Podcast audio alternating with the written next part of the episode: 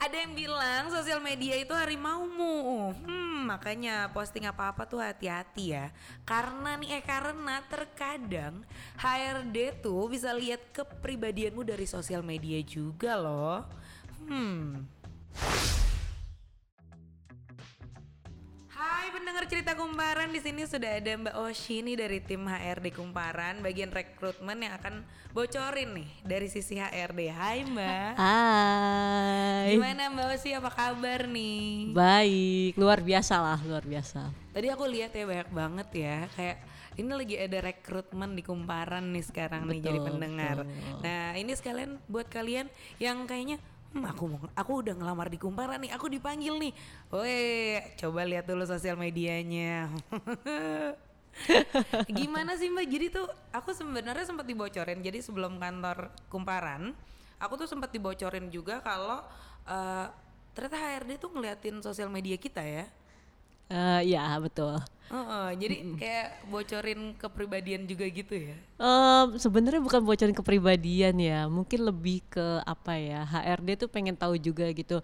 eh anak ini gimana sih? gitu eh, di sosial media dia itu bergaulnya dengan orang-orang yang seperti apa. Kemudian dia itu suka sharing sharing tentang apa sih di sosial medianya kayak gitu. Terus habis itu kita juga pengen tahu eh, apa namanya kalau misalnya dia kayak suka ngasih quote ngasih quote-nya tentang apa sih emangnya gitu. Terus kalau misalnya mungkin di media sosial Instagram seperti yang kita tahu kan itu kan tentang foto atau enggak story gitu kan.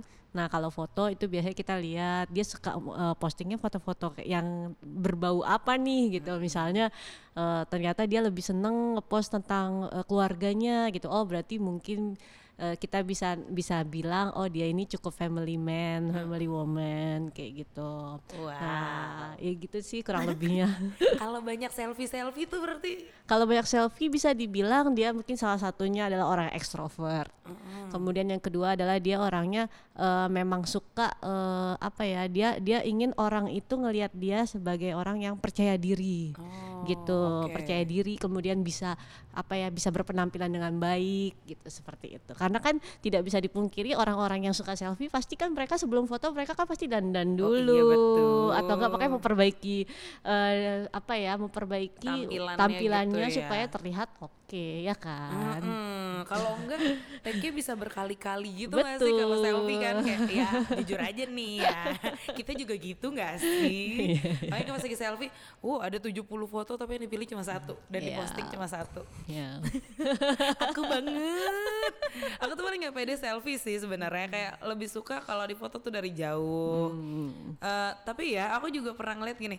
Gimana sih kalau misalnya HRD ngeliat nih, itu tuh foto kayaknya yang banyak kan yang kayak aura-aura desainer yang fotonya tuh cuma apa interior dari ujung sana ujung sini itu tuh kepribadiannya gimana sih? kalau kayak gitu kita bisa nilai oh berarti dia emang passionate terhadap interior gitu Oh, bisa oke. jadi kan atau enggak misalnya dia eh, apa namanya suka motonya pan- eh, pemandangan berarti dia passionate traveling Oh. kayak gitu berarti dia emang beneran hobi traveling kemudian dia emang pencinta alam kayak gitu-gitu kita bisa lihat itu gitu Cocoknya masuk ke kumparan travel berarti ya? Ah, bisa bisa bisa boleh Iya boleh kan? Kalau yang tadi yang selfie selfie yang banyak makeup makeup, mungkin masuknya ke kumparan woman, betul. kumparan mom gitu ya. Hmm. Emang cewek banget tuh. nah kalau uh, aku mau nanya juga nih, sebenarnya faktor apa aja sih yang dilihat sama HRD waktu lihat sosial media tuh? Jadi aku juga punya temen nih ceritanya kan, temen aku ini tuh gimana ya nyebutnya nggak nakal, mungkin pergaulannya sangat bebas aja mungkin Oke. ya. Nah tapi kalau dia sendiri tuh kayak isinya mohon maaf nih ya minuman-minuman yang dilarang oleh agama lah ya. oke itu gimana sih? Kalau dari kita nggak masalah sih, karena apa ya? eh ya balik lagi ya orang kan biasanya kalau ngepost sesuatu di sosial media pasti kan eh, mereka udah apa ya udah mempertimbangkan sendiri konsekuensinya akan seperti apa gitu. Makanya kan eh, orang itu beda-beda. Ada yang Instagramnya memang di private, ada Yes. juga Instagramnya yang di public gitu kan. Nah kalau yang di public berarti emang dia udah tahu konsekuensinya apa yang dia post pasti nanti mau nggak mau akan dilihat orang, kemudian bisa jadi dikomentarin orang gitu kan. Iya, nah iya. kalau aku dari kacamata HRD aku ngelihat itu sih nggak masalah. as long as uh, memang dia uh, terbukti setelah kita temui face to face mm-hmm. memang anaknya tidak seperti gambaran yang dia image kan iya, di dalam sosial gitu. media itu hmm. gitu iya sih Seperti jujur aku pun sih. juga ngelihatnya deg-degan gitu kayak wow tapi emang influencer jadi kayak ya oh, udah lah ya aku pikir emang pekerjaan dia untuk seperti itu mm. ditujukan kepada netizen netizen yang terhormat gitu kan ya nah terus habis itu uh, gimana kalau misalnya kayak yang tadi Mbak sebutin tiba-tiba di private gitu. Mm -hmm, Gimana cara ngenalin dia gitu sosial medianya? Uh, kalau misalnya di private biasanya kita kita kan emang gini ya uh, apa pertama-tama kita ngelihat sosial media kandidat itu itu bukan menjadi hal yang istilahnya uh, penting banget nih kita harus lihat harus banget lihat sosial medianya gitu hmm. itu itu nggak menjadi nggak um, menjadi sesuatu hal yang penting banget gitu jadi maksud aku kalau misalnya uh, sosial medianya emang di private ya udah gitu kita nggak memaksakan hal itu gitu jadi paling kita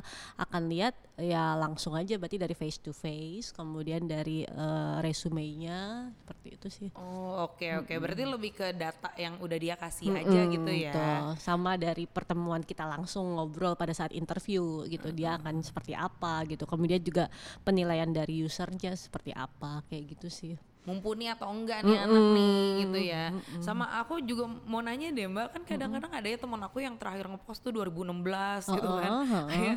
ini udah 2020. Mm -hmm. Semua orang megang sosial media dan dia dari 2016 tuh udah berhenti gitu kan. Jadi pas lagi di tracking tuh ya kan bisa aja berubah gitu kan kepribadiannya mm -hmm. sekarang mm -hmm. ini gitu. Kalau Mbak Oshi gimana ngeliatnya?